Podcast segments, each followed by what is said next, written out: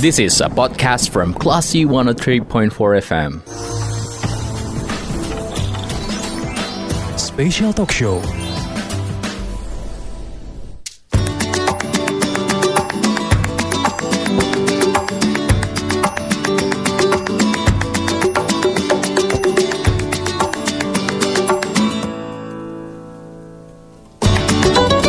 Dari Bumi Karang Putih Darung Padang 103.4 Kelas FM This is the Radio. Assalamualaikum warahmatullahi wabarakatuh. Halo selamat siang Classy People Apa kabar Anda di hari ini? Mudah-mudahan selalu sehat dan juga berbahagia.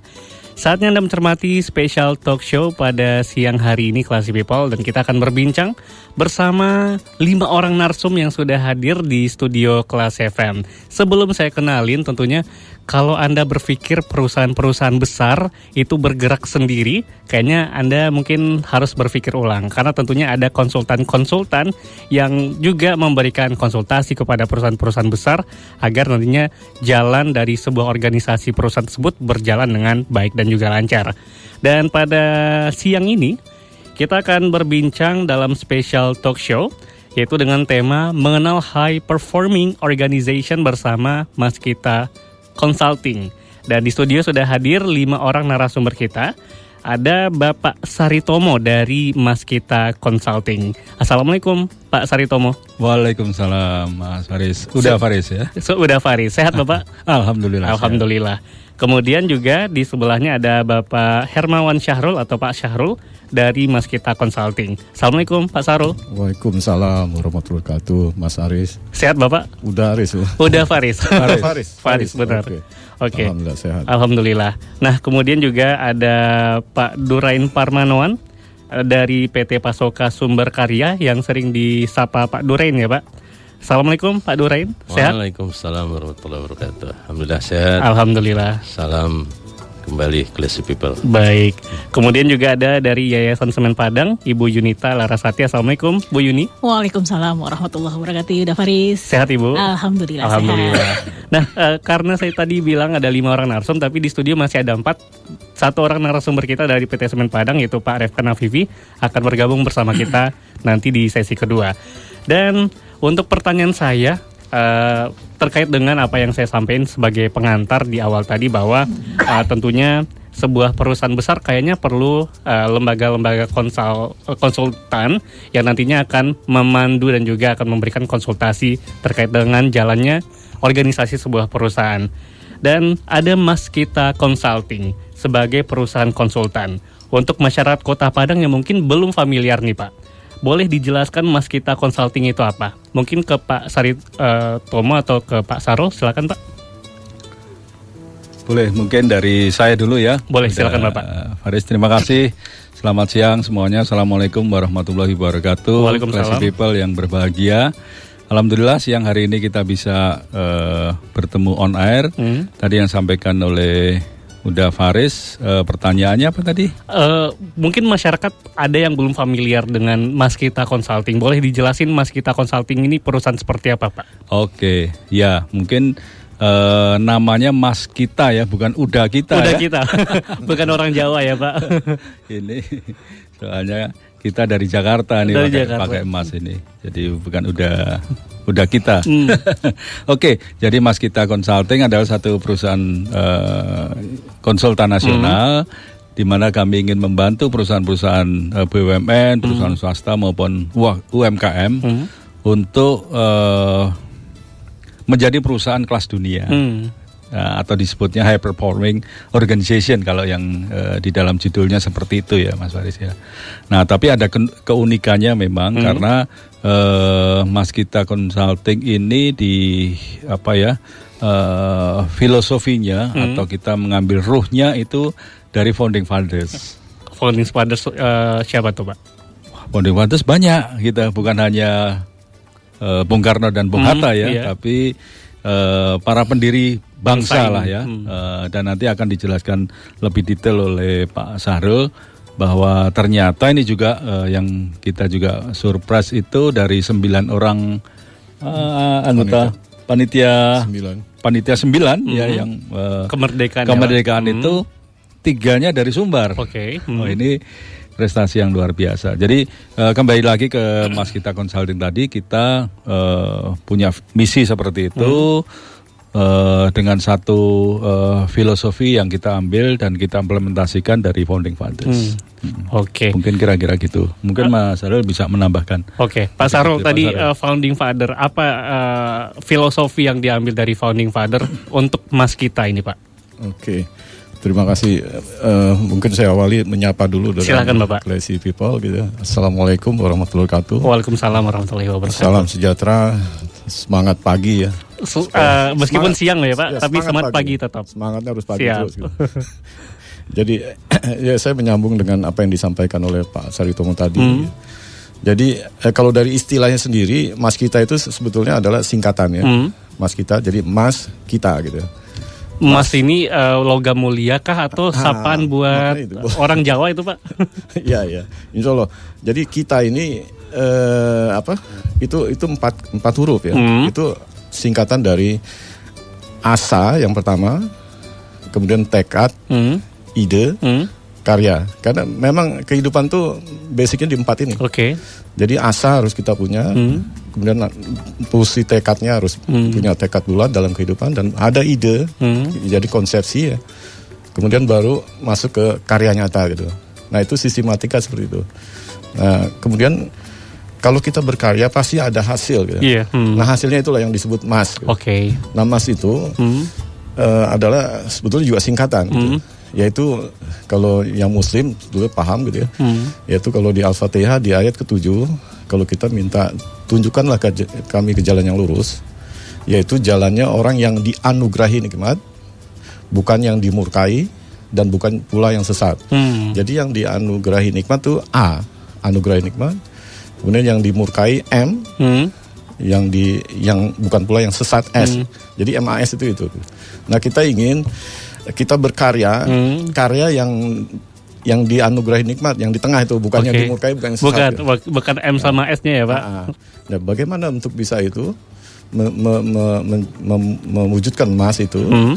Nah karyanya harus, nah nanti di sesi berikut ya okay. itu adalah ternyata founding fathers formula itu menjelaskan itu gitu. Oke. Okay. Saya kira intronya itu dulu ya. Sangat dalam ya Pak uh, filosofinya dari founding father kemudian betul. juga dari Al-Qur'an. Betul, betul. Dan sebetulnya praktis gitu. Hmm. Nah, kalau kita lihat fenomena kehidupan sebetulnya persoalannya di empat itu. Hmm, yeah. Yaitu asanya mungkin Asa, yang, kemudian, yang kurang besar, gitu. hmm. tekadnya nggak bulat atau idenya kurang bagus, hmm. padahal ide boleh nyontek kan kemudian karyanya nggak hmm. bagus, nggak nggak berkualitas. Nah empat itu adalah yang yang harus kita pegang itu. Dan itu adalah rumusan universal hmm. di dunia mana pun pasti sistematiknya seperti itu. Hmm. Dan itu adalah in bahasa Indonesia gitu. Jadi negeri ini ketitipan formulasi itu. Gitu. Oke. Okay. Dan dikemas jadi emas kita gitu. Oke, okay. baik. Cukup dalam bahkan sangat dalam untuk uh, filosofi penamaan mas kita. Okay. Tapi mungkin orang-orang banyak yang mungkin berpikir konsultan itu adalah orang-orang atau lembaga yang memberikan konsultasi kepada perusahaan. Tapi sebenarnya uh, secara detailnya seperti apa yang dilakukan oleh sebuah lembaga konsultan konsultan ini khususnya mas kita consulting hmm. terhadap perusahaan-perusahaan seperti PT Semen Padang, kemudian Pasoka, kemudian Yayasan Semen Padang, hmm. khususnya di Sumatera Barat, Pak.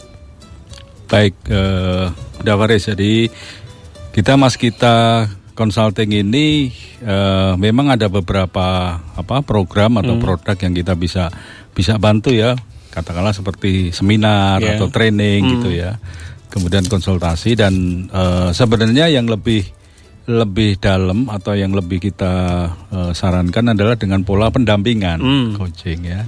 Karena apa? Karena memang kita tidak hanya ingin menularkan pengalaman, menularkan ilmu begitu ya sharing, tetapi kita lebih uh, ingin juga membantu satu perusahaan itu kapabilitas organisasinya meningkat. Mm.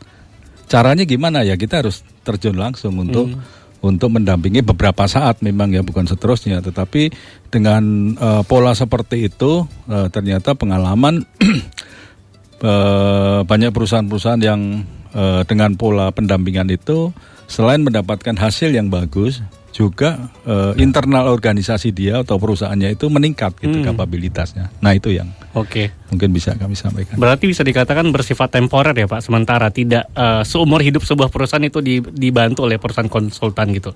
Kira-kira begitu. Oke. Uh, kemudian uh, konsul, uh, kon, Mas kita Consulting ini memberikan jasa kepada perusahaan atau organisasi atau uh, ke mana saja uh, bergeraknya seperti apa Pak? Uh, seperti sampaikan di awal bisa perusahaan apa saja hmm. sebenarnya skala juga apa saja gitu. Oke. Okay. Hmm. Kalau di Sumatera Barat apa saja Pak? Di sini kan sudah ada PT Semen Padang, kemudian juga PT Pasoka, yeah. lalu juga Yayasan Semen Padang. Apakah uh, di Sumatera Barat tiga ini saja kan bisa dikatakan ini tiga perusahaan besar yang hmm. ada di Sumatera Barat, PT hmm. Semen Padang, Kebanggaan Sumatera Barat, Pak. Iya, iya. Ya kami memang di Sumatera Barat itu dimulai dari uh, Semen Padang, hmm. eh, yayasan, uh, yayasan Semen Padang khususnya kita waktu itu di Semen Padang Hospital yeah. hmm. uh, untuk membantu uh, SPH Semen Padang Hospital untuk meningkatkan profitabilitasnya. Hmm. Waktu itu kita ukur dengan EBITDA. Oke. Okay. Nah, nanti mungkin uh, Ibu Yuni bisa cerita lebih banyak bagaimana uh, proses dan hasilnya. Kemudian dengan uh, salah satu anak perusahaan atau grup semen Padang adalah dengan PT Pasoka, hmm. di mana uh, kami membantu dari atau mendampingi dari pembuatan strategi, okay. uh, visi misi begitu ya, dan uh, bagaimana menganalisa uh, beban kerja di apa di unit kerjanya hmm. di PT Pasoka. Berarti secara pengorganisasian sebuah perusahaan itu dibantu oleh Mas Kikta iya, Consulting. Iya, betul. Biasanya apa saja yang dilakukan Pak? Tadi uh, saya mendengar Bapak menyebutkan membantu untuk visi misi juga. Apakah itu memang uh, sebuah perusahaan konsultan bisa berperan cukup dalam dalam sebuah fondasi sebuah perusahaan seperti itu Pak? Iya, jadi memang prosesnya uh, perusahaan konsultan atau seorang konsultan tidak bisa mengerjakan semuanya okay. begitu ya. Hmm. Kita sebagai pendamping hmm. sebenarnya. Jadi lebih banyak uh, itu perusahaan sendiri yang yang mempunyai inisiatif hmm. kita memfasilitasi, kita men-trigger begitu ya. Nah, uh, seperti itu uh, kelihatannya mungkin sepele atau yeah. mungkin tidak ini tetapi tanpa itu kadang-kadang perusahaan tidak bisa melakukan hmm, gitu. Ya nah, ini yang uh, perlu kita sadari bahkan kalau kita umpamakan uh, apa pemain-pemain uh, olahraga profesional pun mm. ya sebagus apa pun juara dunia bahkan dia tetap perlu pelatih gitu yeah. yang mm. memang bisa melihat dari sisi yang main itu sendiri nggak bisa melihat gitu. Oke. Okay. Kira-kira gitu. Berarti kekuatan dari sebuah perusahaan konsultan adalah menjadi uh, otaknya sebuah perusahaan. Apakah seperti itu bisa dikatakan, Pak? Uh, bukan otak ya, tapi uh, kita oh. lebih banyak men-trigger. Hmm. Uh, kalau orang itu di-trigger kan uh, inisiatif, kreativitasnya akan muncul gitu. Okay. Uh, kemudian kita dampingin tentunya ya, memfasilitasi seperti itu. Memberikan stimulasi kepada ya, perusahaan kita betul, ya, Pak. Betul, betul, betul. Baik, uh, kita akan lanjutkan nanti Pak di sesi kedua obrolan kita terkait dengan Mas Kita Consulting dengan uh, empat orang narasumber yang masih berada di studio kelas FM dan nanti mudah-mudahan uh, dari PT Semen Padang akan segera bergabung bersama kita. Tapi jangan ke mana-mana Classy People, pastikan Anda keep tune di 103,4 kelas FM. This is the actual radio. Special Talk Show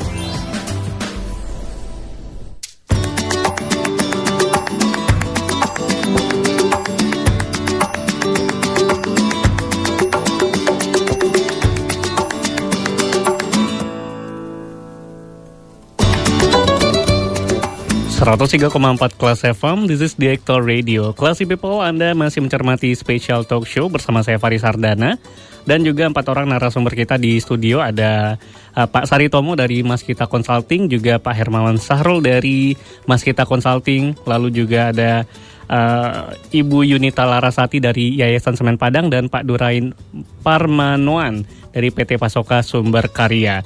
Dan untuk Anda yang ingin bertanya berkaitan dengan pembahasan kita pada siang hari ini langsung saja telepon di nomor 0812 660 1034 atau juga bisa uh, chat ke WhatsApp kita. Ketik saja pertanyaannya nanti akan kita tanyakan kepada narasumber kita di nomor 0812 660 1034. Nah, uh, Pak Sari Tomo, Perusahaan konsultan pasti punya cara dan strategi dalam membantu sebuah organisasi, perusahaan atau unit kecil dalam menyusun fondasi agar tujuannya bisa terwujud. eh, kira-kira apa sih yang membedakan Mas Kita Consulting dengan perusahaan konsultan lainnya? Apa eh, nilai jual yang diberikan oleh Mas Kita Consulting sehingga Yayasan Semen Padang, PT Semen Padang, kemudian juga PT Pasoka eh, menggunakan jasa dari Mas Kita Consulting? Oke, makasih udah eh, Faris. Jadi memang eh, kalau kita bicara mengenai tools, mengenai apa ya metodologi dan seterusnya itu dunia manajemen, dunia organisasi mungkin mirip-mirip ya, tetapi memang secara eh, filosofi, kemudian juga secara konsep ini kita unik. Hmm. Ya, tadi disampaikan oleh Pak Saril seperti mulai dari founding fathers. Jadi mungkin Pak Saril bisa menambahkan mengelaborasi eh, lebih eh, detail lagi sebenarnya tataran eh, operasionalnya itu Hmm, bagaimana sih iya. kalau kita sudah mendapatkan eh, insight, mendapatkan filosofi dari founding fathers, bagaimana nih penerapannya eh, di dalam dunia organisasi atau dalam perusahaan? Silakan. Oke, silakan Pak Sarul. Eh, baik, terima kasih eh, udah Faris dan eh, semua apa classy people ya. Terima kasih. Jadi untuk menjelaskan eh, uniqueness eh, kami, mas kita, mungkin mohon izin saya sedikit ada intro sedikit ya. Silakan, Bapak. Jadi kenapa bisa sampai ke situ gitu? ya. Hmm. Jadi singkatnya seperti ini. Eh, kita tahun 98 pada saat eh, krisis Ekonomi. ekonomi Hmm. ya Paul. Ya, mungkin di Padang nggak Belum suasana beda ya sama Hmm. di sana di Jakarta itu kan terjadi bakar-bakaran Iya. ini. Nah waktu itu eh, kami saya bekerja di bengkel pesawat di Garuda gitu. ya. Oke. Nah waktu itu mau pulang itu takut karena eh, suasana ramai sekali Hmm. bakar-bakaran dan ada juga yang bunuh-bunuhan kan. Nah saya akhirnya malam baru bisa pulang ke rumah. Hmm. Nah itu menyisiri jalan, ngumpet-ngumpet gitu. Hmm. K- karena apa? Ya saya baru tahunya setelah saya nyampe rumah ya dapat cerita dari is- istri di keluarga semua nangis gitu takut saya ini karena saya tuh mirip engkoh-engkoh gitu Oke. karena kalau yang ini agak-agak sensitif ya Karena agak rasial juga kejadian di Ah, masa lalu ya Pak. itu kan. Hmm. Nah, i- ada satu kondisi seperti itu. Nah, kemudian 99 saya eh, ikut ada suatu pelatihan karena merasa ya butuh pelatihan yang namanya latihan mengenal diri Hmm. dari almarhum Bang Imat gitu ya. Nah, beliau juga spesial. Beliau pada saat itu umurnya mungkin eh, 68 tahun kalau Hmm. salah ya. Baru sembuh 2 tahun setelah stroke. Oke. Nah, beliau adalah dosen elektro ITB senior, pendiri Masjid Salman, pendiri Hmm, hmm. ISMI, pendiri Republika, pendiri Bank Muamalat. Nah, itu baru pertama kali baru sembuh, masih agak pelo, Hmm. hafalan Al-Qur'annya mungkin belum memori penuh, mengajar gitu. Dan kami diajar langsung oleh beliau. Dan kemudian eh, tiga hari di, di puncak, Di Bogor ya Pak. kurang lebih 20 orang. Hmm. Nah itu sholat malam dan ini gitu ya. Nah di hari ketiga beliau ngasih pesan dan ini saya pikir mau saya teruskan ke ke semua classy people gitu. Oke siap. Nah apa kata-kata yang sampai saya nggak pernah lupa dan akhirnya saya tulis di buku saya. Kata-katanya adalah beliau mengatakan seperti ini. Kalau kalian ingin mengalami sesuatu yang menakjubkan dalam hidup, beliau sampaikan, bacalah Al-Quran setiap hari selama 40 hari. Mulai besok jangan pernah berhenti gitu ya. Kalau tidak, temui aku gitu. Kata-katanya seperti itu. Wah itu nyetrum. nah akhirnya saya baca Al-Quran dan saya lahir di Jakarta, saya istilahnya Islam abangan ya baru kenal Islam di situ gitu. Nah kemudian eh, apa? Saya baca Al-Quran, baca terjemahan karena Oke. mau pemahaman nih kan. Hmm. Nah itu saya nggak tahu 40 harinya kapan, pokoknya sejalanin. Dan itu eh, banyak, eh, saya mengalami bukti-bukti itu ya. Hmm. Nah salah satunya yang terkait dengan ini, eh, apa?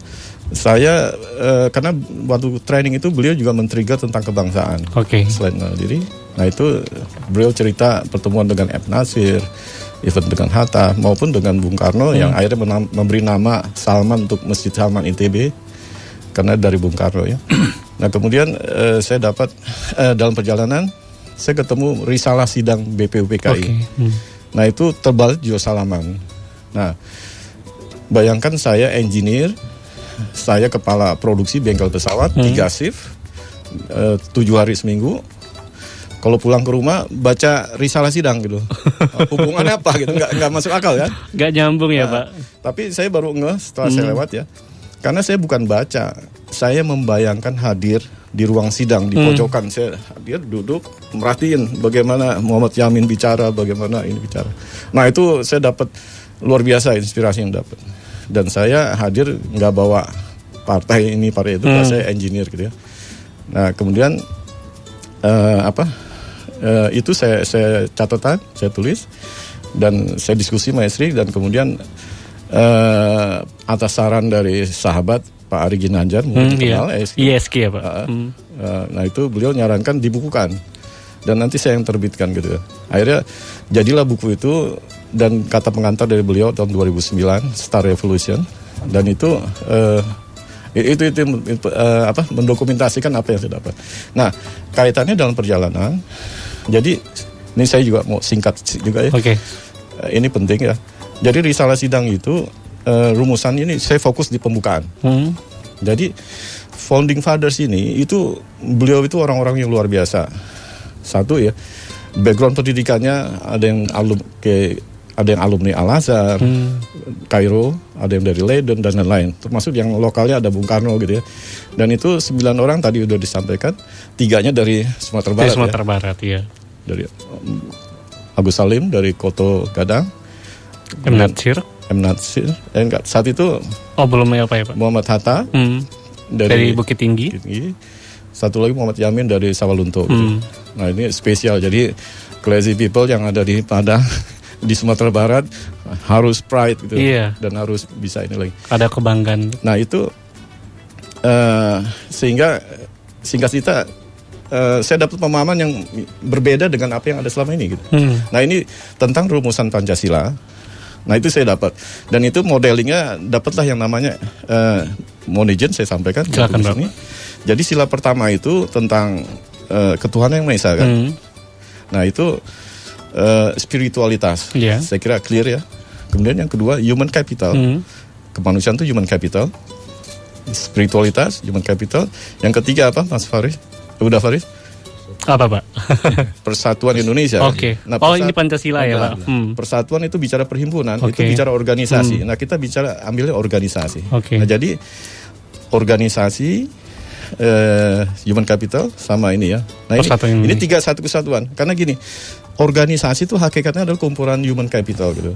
Nah, human capital yang ada spiritualnya gitu. Hmm. Nah, jadi makanya tiga sila pertama itu satu kesatuan. Ya. Nah, eh, organisasi yang kumpulan human capital yang ada spiritualitas. Nah, kemudian organisasi juga hakikatnya adalah sebuah kendaraan. Hmm. Nah, ini, ini penting.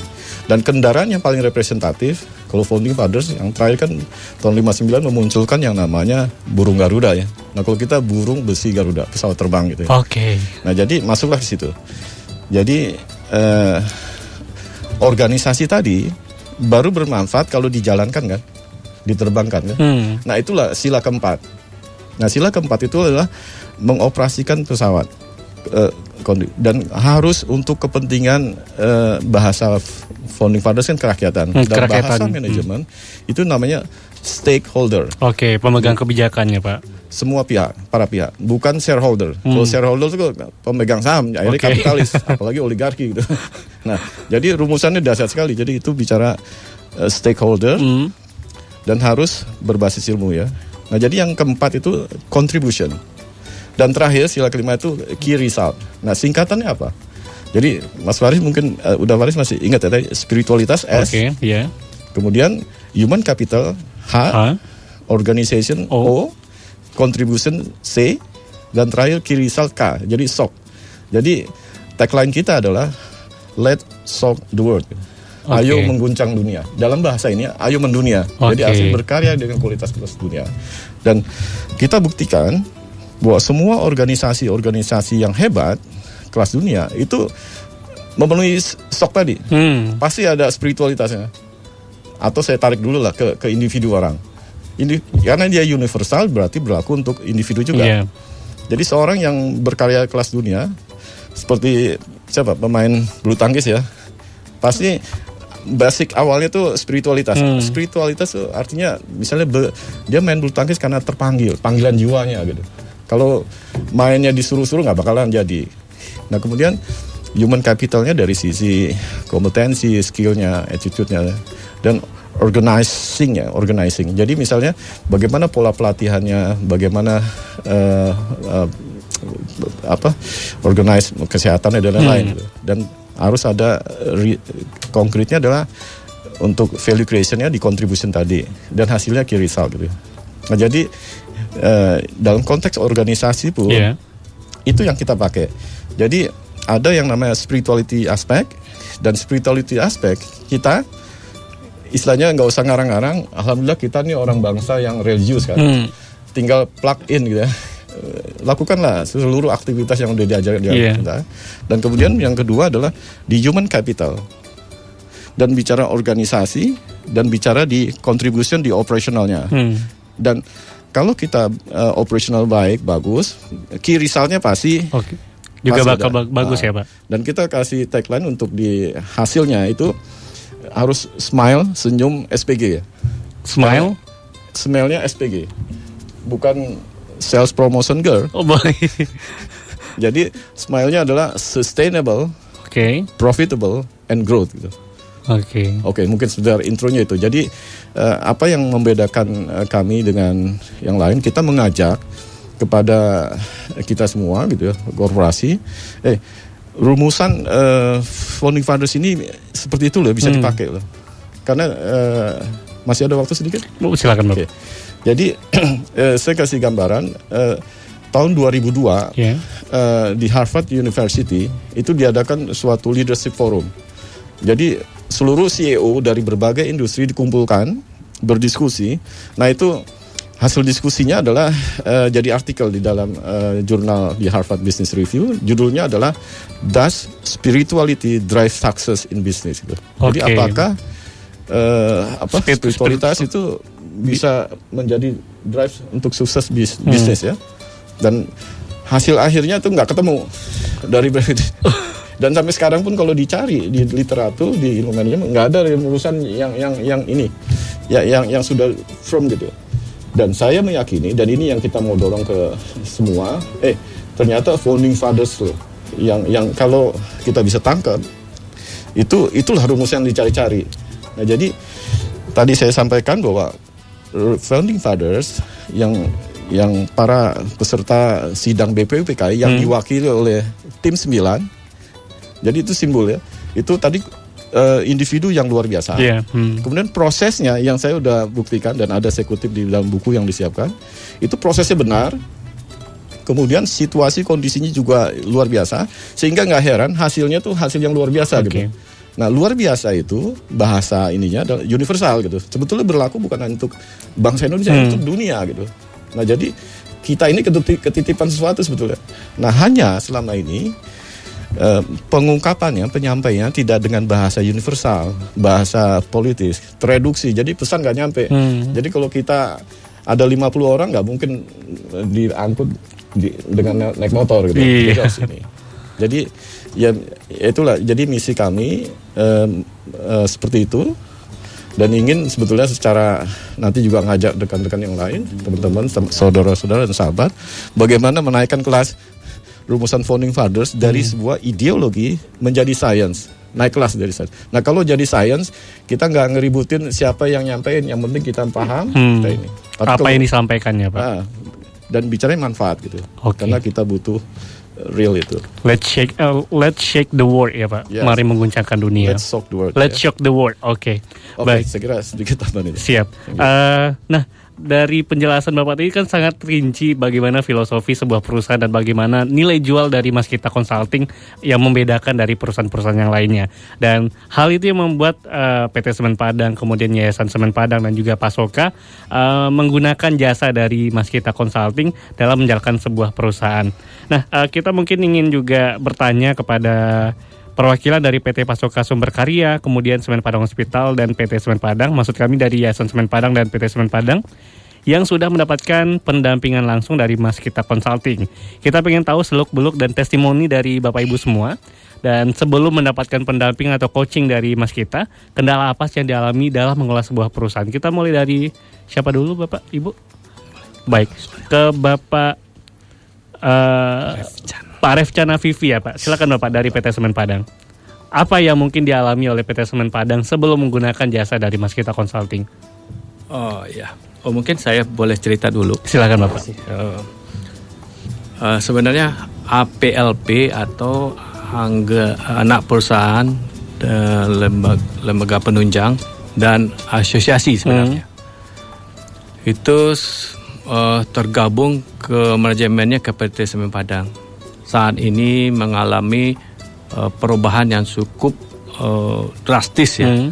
baik di sisi keuangan maupun kinerjanya uh, hambatan besar sekali di tahun-tahun terakhir apalagi dihadapkan oleh pandemi. Oh, iya. Hmm.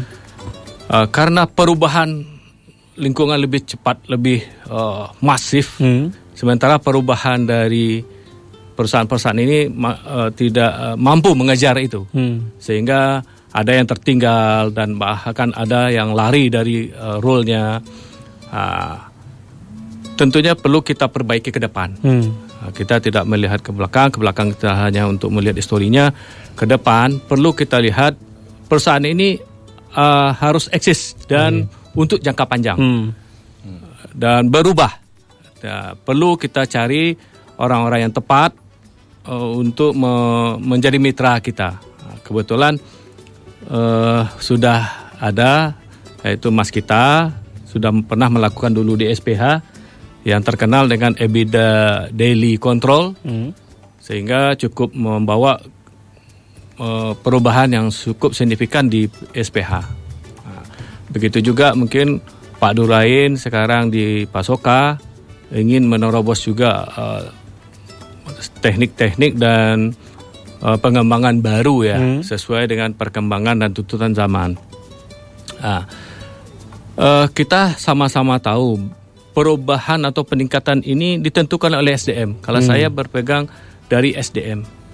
Jadi SDM itu harus menjadi kunci keberhasilan dari awal peradaban yang melakukan perubahan itu adalah manusianya. Hmm. Tidak ada teknologi. Zaman Nabi dulu nggak ada teknologi, dalam Nabi Adam ada, itu nggak ada. Itulah manusia lah yang melakukan perubahan. Tentunya ini yang harus kita uh, buat unggul hmm. supaya perusahaan itu menjadi unggul gitu loh. Jadi kita tidak harus teknologi dulu terbalik. Kalau menurut saya itu adalah SDM. SDM-nya itu betul-betul dirubah mindsetnya. Hmm. Uh, kalau orang itu muncul inovasi ketidak uh, apa sempurnaan dengan kekurangan-kekurangan muncullah inovasi. Yeah. Bukan dengan teknologi bagus muncul inovasi, tidak.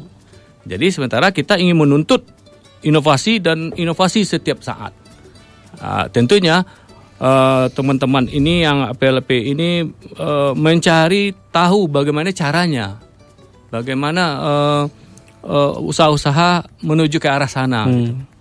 Itulah uh, Mas kita uh, sudah menangkap uh, apa itu poin-poin untuk menuju ke sana karena mungkin beliau semua konsultan ini sudah pernah mempelajari uh, seperti apa APLP kita itu gitu.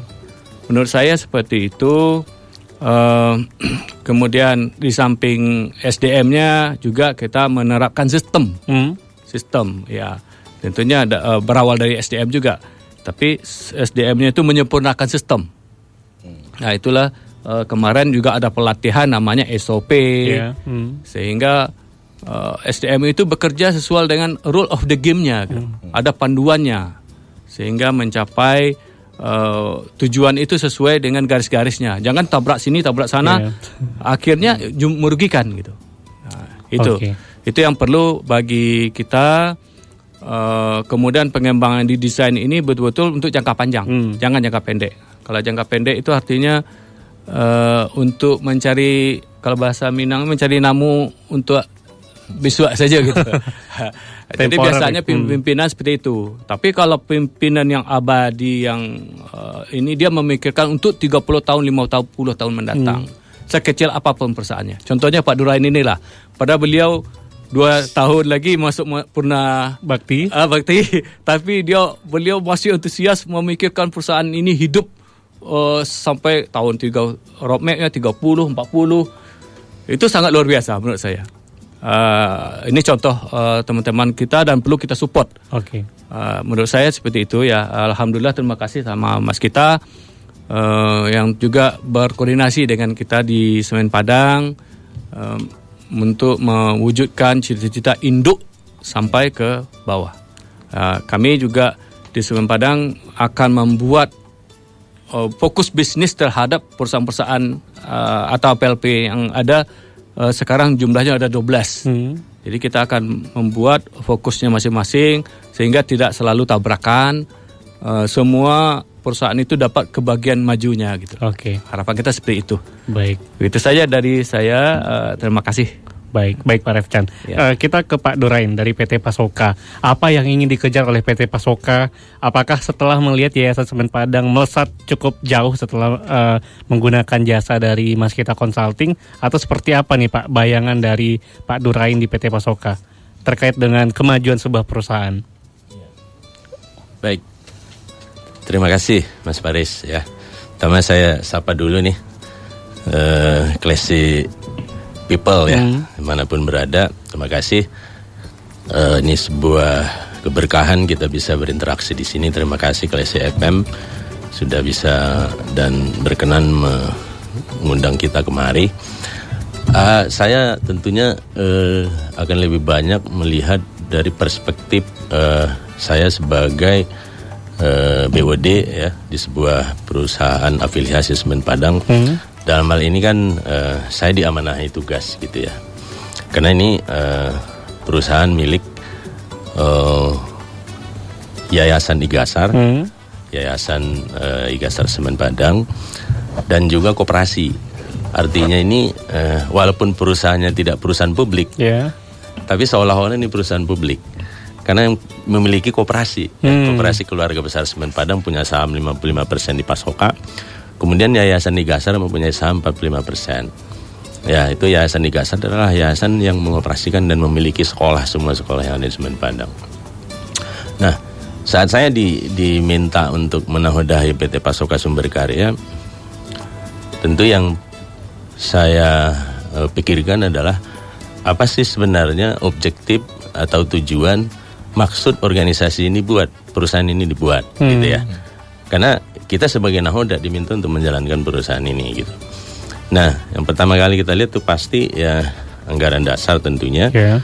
Kemudian uh, perusahaan ini uh, punya bisnis plan. Hmm. Visi misi termasuk ya, apa? Ada visi, ya, hmm. Di bisnis plan itu ada isinya visi misi, hmm. ada strategi bisnis, ada target-target gitu ya. Nah, kali pertama itu yang terus tentu saya lihat gitu. Oh, tugas saya ini gitu ya apa latar belakang perusahaan dibuat terus perusahaan ini mau dibawa ke mana dan bagaimana cara membawa ke sana nah, nah satu hal lagi kita tidak punya cukup banyak waktu hmm. jadi istilahnya kalaupun sebuah perusahaan sakit kita tidak hanya bisa boleh bertugas semata-mata fokus hanya untuk membuat perusahaan ini uh, sembuh dari penyakitnya, yeah. tapi harus growth, growth ya. Ada growth, uh, gimana caranya? Nah, kita punya keterbatasan, ya. Kita punya keterbatasan. Selain dari tadi saya katakan ini perusahaan publik, ini adalah e, banyak bergerak di e, bidang usahanya kan jasa. Ya, e, bu, apa namanya seolah-olah perusahaan publik yeah. tapi bukan perusahaan hmm. publik dipunyai oleh e, banyak orang ya, anggota koperasi juga yayasan gitu ya. Nah, e, kalau kondisi di mana persaingan dan kondisi uh, bisnis perusahaan itu sangat dinamis. Hmm. Kalau kita uh, mengerjakannya sendiri, waktu nggak cukup. Dalam arti karena perlu perubahan yang sangat cepat. Yeah. Nah, kita butuh butuh assist dari seseorang atau hmm. dari dari pihak ketiga. Intinya gitu. Kenapa? Pertama ada dua. Uh, itu tadi yang pertama. Kita tidak tidak uh, cukup waktu dan cukup cepat kalau ngerjakan sendiri. Yang kedua, kita belum belum tentu kita khawatir bahwa jika kita memandang diri kita, kita nggak komplit melihatnya. Iya. Yeah. Jadi kadang-kadang kan kita untuk melihat sesuatu itu kita pergi menjauh dulu atau hmm. keluar dari kotaknya. Tapi kalau kita kerjakan sendiri, it takes time kan, lama banget gitu. Yeah. Sementara kita harus growth, bukan hanya menghidupi saja growth. Karyawannya nih 1.300. Perlu eksternal Iya. untuk menilai dari luar gitu ya Dan Pak. bisnisnya selama ini hanya dengan semen Padang. Hmm, hmm. Sementara kondisi sudah sama-sama kita tahu dinamika bisnis semen itu sangat luar biasa perubahannya. Jadi memang awalnya datang kesadaran itu dari kita dulu yang di dalam di perusahaan ini. Kita mau ke mana nih? Kita mampu nggak sendiri, gitu ya? Kita bisa nggak me- me- apa namanya menyembuhkan dan membuat ini growth gitu? Hmm. Ya, saya katakan eh, perlu disembuhkan karena ada tren kinerjanya menurun. Memang belum rugi gitu ya, Iya. tapi ada tren kinerja menurun. Jadi bahasa saya, kalau ini tidak cukup kuat energi untuk membelokkannya kembali di saat dia menukik, dia akan menukik terus. Jangan sampai sudah menyentuh tanah, muncung pesawat ini baru dibalikkan ke atas. Nggak bisa yang ya, ada, yang ada explosion ya kan. Iya. Jadi ini harus dibelokin cepat gitu ya. Itu tadi kata kuncinya tadi. Karena butuh cepat dan kita tidak cukup energi sendirian untuk mengerjakan itu, kita butuh orang. Hmm. Nah, berikutnya lagi kan setelah kita sadar kita butuh orang, lalu berikutnya adalah bagaimana mencari orang atau pihak ketiga dan partner yang tepat gitu ya. Jadi di sana akan kita combine kita, kita mau ke mana, nilai-nilai kita seperti seperti apa, visi misi yang kita seperti apa, lalu partner yang pas yang kayak Hmm. apa gitu. Nah, jadi saya eh, melihat karena ini perusahaan jasa, perusahaan jasa itu kan yang terjadi adalah interak yang yang mayoritas di bisnisnya itu adalah interaksi antara orang dan orang atau si pemberi jasa dengan yang menerima jasa. Beda dengan industri manufaktur. Kalau ini man- industri manufaktur kita produksi barang, yang memproduksi barang belum tentu berinteraksi atau berkenalan atau dalam dalam kesehariannya berkomunikasi dengan si pengguna barang kan. Iya. Karena begitu diproduksi barang, barang ditarik di pasar, orang membeli, belum tahu nggak tahu eh, siapa yang produksi. Pokoknya barang itu dibeli orang. Yang penting kualitasnya dijaga. Tapi kalau perusahaan jasa itu interaksi people to people antara si pemberi jasa dan penerima jasa itu intens malah ma- bisnisnya itu mayoritas di sana hubungan antara orang dan orang. Nah di sana apa yang saya harus dapatkan? Yang bisa sekaligus ya me, me- apa namanya mendrive. Kalau bahasa saya itu orang-orang saya harus secara personally meaningful ingin mencapai goalnya. Iya, dan bergerak cepat Ya, juga ya Pak. bergerak cepat ingin mencapai goal dan, dan itu berarti buat dirinya kan. Kalau kita urut gitu ya, kalau saya pelajari selama ini, selama saya belajar eh, 28 tahun saya bekerja di di industri, eh, 30 tahun, 28 tahun di industri semen, itu pertama kalau kita punya goal ya tapi nggak punya deadline, itu kita sebut itu baru mimpi, keinginan gitu ya. Tapi kalau goal itu kita katakan punya deadline misalnya saya akan begini atau perusahaan ini akan begini pada tahun segini itu kita udah punya objektif. Ya tetapi kalau objektif itu tidak ada rencana itu belum disebut eh, akan akan bergerak karena baru objektif saja. Tapi kalau ada rencana ada plan itu jadi intention. Oke. jadi niat yang kuat. Ah intention itu kalau ditambah dengan consistent action probability untuk sukses insya Allah dapat Hmm, baik. tapi kalau hanya sukses tidak di- dimasukkan, di- tidak dirasukan ke dalam hati, ke dalam jiwa, itu secara personal itu nggak berarti buat dia. Ini bagaimana kita bisa mendapatkan objektif dapat untuk perusahaan dapat, tapi secara personal kita ingin orang-orang yang di, di organisasi yang kita pimpin itu merasakan kebersamaan. Itu yang disebut dengan fulfillment. Oke. Nah itu yang eh, kalau kalau saya mengapa oh ini saya nggak bisa kerja sendiri. Hmm. Pertama harus cepat, yang kedua orang-orang itulah yang sebenarnya kita inginkan untuk mencapai objektif ini, mencapai eh, visi misi tadi. Baik. Ya tanpa harus setiap hari kita sebagai manajemen yang harus me, me- apa mendrive gitu. Hmm. Walaupun di, direktur itu artinya kan direction memberi arahan dan memberi eh, apa namanya eh, eh, aturan main, cara tata tata cara mencapai tujuan dan seterusnya. Memang itu kerjaan direksi, Hmm. tetapi akan lelah kan direksi dan nggak sustain dia. Mungkin bisa kita bayangin kalau misalkan tanpa ada coaching atau Ya. pihak-pihak eksternal Betul. seperti ini, kayaknya agak susah. Betul. Belum Kalau lagi belum lagi hambatan psikologis. baik. Kalau misalnya tiap hari kita begitu terus di quote, nih, lama-lama bosan juga. Yang ada juga eh, manajemennya kan eh, apa namanya? Feelingnya eskalasi, jadi Iya. nggak kecapai marah. Gitu. Nggak iya. kecapai gimana gitu ya. Jadi di sana butuh butuh eh, assist. Oke. Kalau saya bilang tuh assist ya. Baik. Konsultan itu buat saya adalah assist. Nggak bisa kita serahkan kerjaannya itu kerjaannya konsultan. Hmm. Terus konsultan juga menggali sama dengan dokter. Kita kalau nggak bercerita penyakit kita dan kita nggak tahu tahu. mau mau gimana, nggak ada semangat untuk sembuh, dokter nggak bisa ngapa-ngapain. Hmm.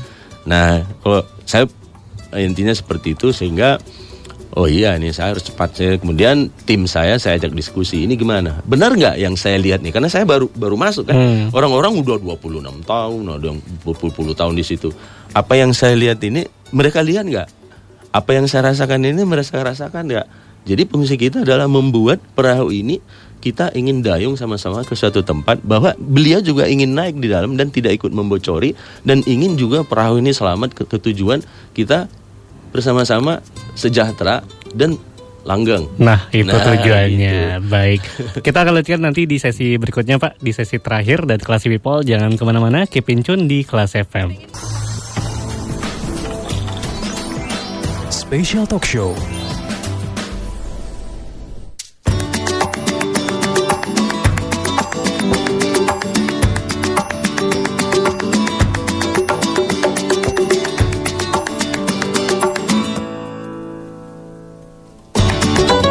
Empat kelas FM, this is the Actor Radio. Classy People masih dalam special talk show dan kita sampai di sesi terakhir. Tapi kita masih membahas tentang bagaimana eh, Mas kita consulting dalam membantu mengcoaching perusahaan-perusahaan yang ada di Sumatera Barat, khususnya ada Yayasan Semen Padang, PT Semen Padang, dan juga PT Pasoka. Tadi sudah ada dari PT Semen Padang dan PT Pasoka yang menjelaskan, kita akan ke orang pertama dari lingkungan Semen Padang atau Yayasan Semen Padang yang menggunakan jasa dari Mas kita Consulting. Ada Bu Yunita Larasati. Silakan Ibu, apa yang eh, membuat Yayasan Semen Padang eh, melirik Mas kita Consulting dan akhirnya juga eh, PT Semen Padang, Pasoka akhirnya juga melihat kesuksesan dari eh, bisnisnya eh, Yayasan Semen Padang. Oke, makasih eh, Davaris eh, waktunya. Ini aku tadi dibilang aku speechless nih ngomong apa karena yang ngomongnya sudah luar biasa dari Pak Refchan atau Pak Durain. Oke, sedikit kalau eh, kita di Yayasan Semen Padang kemarin ini eh, memang ke beberapa eh, Pak seperti Pak Saritomo juga bilang itu masih eh, skopnya di keuangan. Hmm. Jadi kita menggunakan eh, jasa itu EBITDA daily control. Jadi memang setelah eh, after COVID gitu kan kita perlu eh, bangkitlah kembali gitu. Rumah sakit ini perlu banyak pembenahan gitu. Dan memang eh, kebetulan waktu itu dari pengurus pun eh, berinisiatif gitu. Kita ya untuk mengawal eh, bagaimana growth SPH ke depannya Yayasan Semen Padang ke depannya juga berserta kliniknya lebih baik lagi ke depannya dengan visi misi yang bagus gitu kan. Eh, kami memang di awalnya itu kelemahan kami adalah eh, kami tidak tersedia, bukan tidak sedia, belum membuat eh, target-target keuangan per unit layanan. Karena seperti tahu sendiri kayak seperti SPH itu kan teman-teman pelayanan pun sangat sibuk gitu ya, misalnya melayani pasien dengan jumlah pertambahannya pasien. Jadi eh, di target kinerja pun kita hanya membuat itu hanya target eh, kunjungan pasien, ya, kunjungan dan pendapatan ya kita. ya. Teman-teman kadang-kadang terlena kalau di situ juga ada biaya BMHP dan semuanya itu. Bisa dibilang mungkin juga teman-teman di medis pun awalnya kurang terpapar dengan yang namanya EBITDA. Nah, eh, apa saya laba rugi yang untuk operasionalnya. ya. Jadi dengan eh, waktu itu tuh eh, lama ya Pak kita eh, rapat sampai malam kadang-kadang kita rapat waktu itu masih rapat zoom itu dibimbing dengan Pak Tomo, Pak Syahrul, juga Pak Hermawan, juga Pak Kohar itu eh, dibentuk bagaimana kita bisa membuat sebuah tools seperti namanya pohon EBITDA Iya. itu adalah le- laba rugi tapi per unit layanan Hmm. yang selama ini memang kita eh, bukan lengah ya tapi kita belum berhasil untuk membuatnya jadi eh, setelah kita eh, diskusi selama kita mulai eh, itu dari Januari ya Pak ya. Dari Januari kita ini baru fixnya itu bisa dibilang April atau Mei. Ini tahun berapa, Bu? 2022. 2022. 2022. Ah, di April atau Mei baru kita menemukan suatu skema yang rasanya bisa dipakai, diterima dan eh, cukup mewakili. gitu.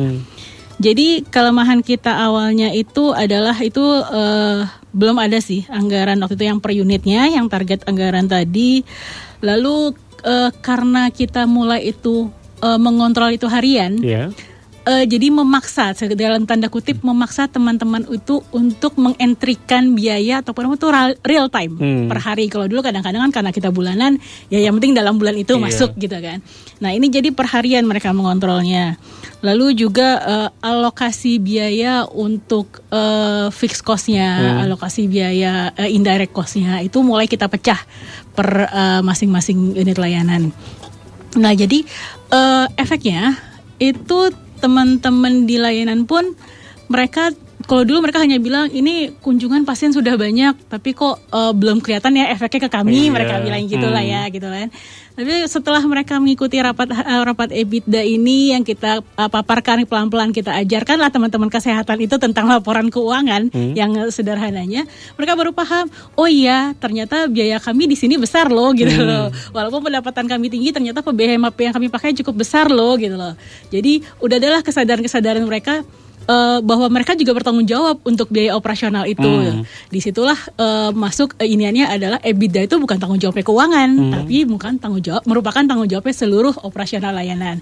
Itu yang kita kita tekankan ke teman-teman ya Pak ya kita hmm. kita teman-teman teman layanan itu gitu. Nah, uh, alhamdulillahnya uh, semenjak ada uh, rapat harian nih, yeah. kita sekarang ada rapat harian dan ada rapat mingguan.